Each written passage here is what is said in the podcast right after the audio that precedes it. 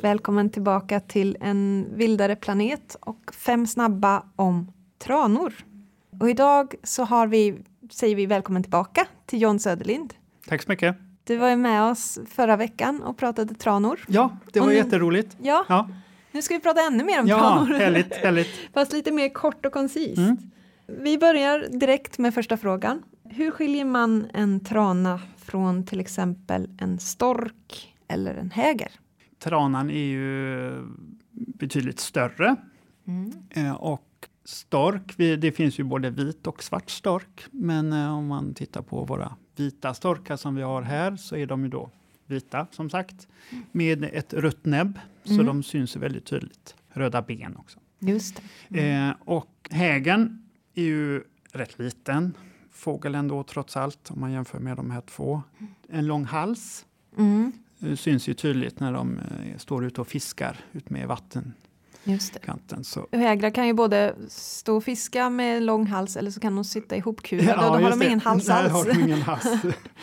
och eh, tranan då, grå fast eh, har ändå den här röda fläcken på, på huvudet. Mm. Så det är väl de kännetecken som eh, jag tycker att man kan titta på. Mm. Så vet ni om ni ser en, en stor fågel med långa ben så, så hoppas jag ni kan skilja dem åt. Eh, fråga två. Trandansen är ju ett känt begrepp, men varför dansar tranor? Dansar alla tranor eller är det bara de unga eller är det de gamla? Eller hur är det? Alla dansar, Mm. eh, oavsett ålder. Eh, man har sett till och med små ungar dansa. Mm. Och eh, givetvis när ett nyetablerat par dansar så kanske de dansar lite mer intensivt.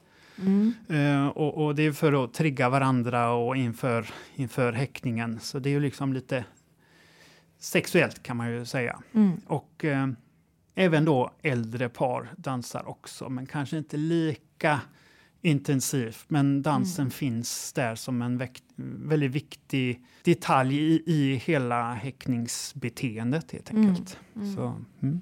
En del av parrelationen Ja. helt enkelt. Mm.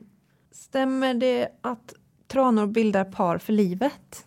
Det gör de. Tranor är ju kända för att bli väldigt gamla så att ja, de kan eh, häcka väldigt många, många år. Mm. Men sen givetvis, som många andra arter, att om den ena eller den andra dör så kanske den sörjer givetvis en, ett tag. Men den dansar vidare. snart. Den dansar vidare ja. eh, i, och, och raggar upp en ny partner. Så att ja, de eh, lever väldigt länge i par. Mm.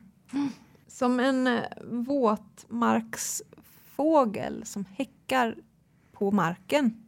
Hur, hur funkar det? För att jag tänker en våtmark kan ju ibland variera vattenståndet rätt mycket. Hur funkar ja, det? Eh, intressant fråga. Jag blev faktiskt varse om det här för eh, några år sedan.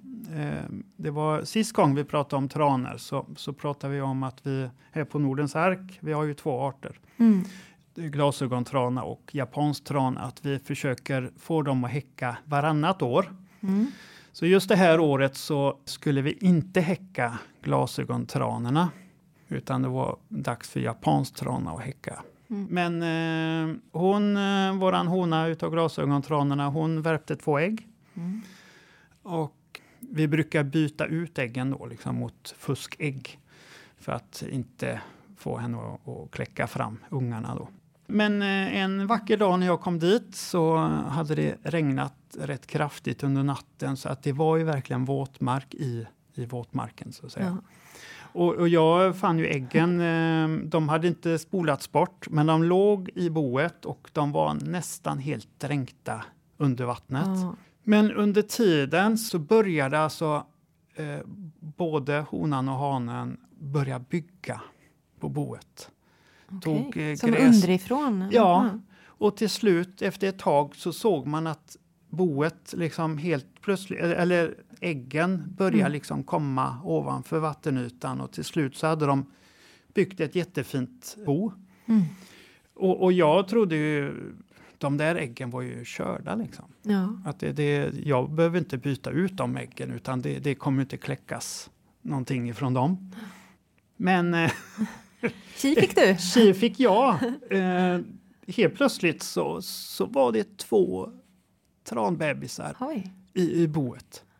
Och jag, jag, jag fattar inte ens än idag, men det är liksom så att de, de är ju anpassade för att leva i en våtmark. Och i en Ja. våtmark så kan det ju liksom hända Ja, sådana här det kan saker. ju verkligen bli våtmark Ja, om man säger och, och, och bokstavligt. de har ju ett, ett väldigt kraftigt skal så att när, när jag då kanske tar ett ägg och man kan liksom lysa i ett ägg för att kunna Mm. se om det är befruktat eller inte. Mm. Som vi gör med många olika andra arter och, och vill liksom se hur, hur, om det är befruktat eller inte. Mm. Men tranägg är så pass tjockt skal och så pass mörka så att jag har aldrig lyckats göra Jaha. det. För det, det ja. Mm. Eh, Men eh, ja, det var ett långt svar, men eh, Ja. det är eh, som sagt... Fyra snabba och en lång. Fyra snabba. De, eh, helt klart att de är anpassade för ett liv i en våtmark. Mm. Det fick jag varse om. Häftigt. Mm. Eh, hur gammal blir en trana? Tranor är kända för att bli väldigt gamla. Som sagt, våran eh, äldsta fågel här är ju då 27 år tror jag att det var. Eh, Greta, en glasögontrana. Mm. Eh, så en eh, 50-60 år kan de ju bli. Det är ganska ordentligt. Ja, och jag tror eh, den som är känd utav våra vilda tranor Mm. Eh, dryga 17 år. Men det är ju då en, en fågel de har ringmärkt och eh, ja, liksom kunnat följa då. Det är ett tuffare liv i det vilda. man Helt klart. så. Helt Man, klart. men om de har tur kan de Ja. leva Mm. väldigt länge.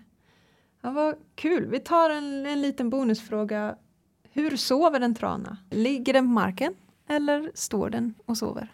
Mm. Den har långa ben. Den har långa ben. Eh, som sagt, de lever ju i en våtmarker och, befinner sig ute på åkrar och sånt. Men det finns faktiskt en art i Afrika, en av de här krontranorna. Mm.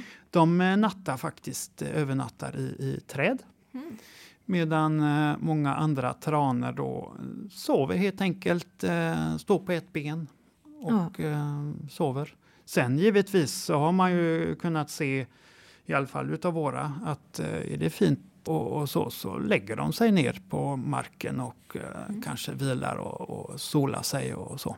Men eh, mest stående på marknivå. Ja. Om jag var en liten fågel, eller en stor fågel, så man är ju ganska utsatt om man bara står mitt på ett öppet fält. Ja, helt klart. Men de, de kan försvara sig. Ja, det kan de. Eh, ja, det var de frågorna Vad bra. för den här gången. Tack så jättemycket. Tack Det är själv. jätteintressant det här. Mm. Roligt att få lite fågelsnack. Ja, Ehm, till er som lyssnar så vet ni att ni hittar våra gamla avsnitt på nordensark.se podd och ni kan också mejla om ni har frågor om djur eller natur till podd med 2d snabel-a nordensark.se. Tills vi hörs nästa gång, ha det gott och ta hand om er. Música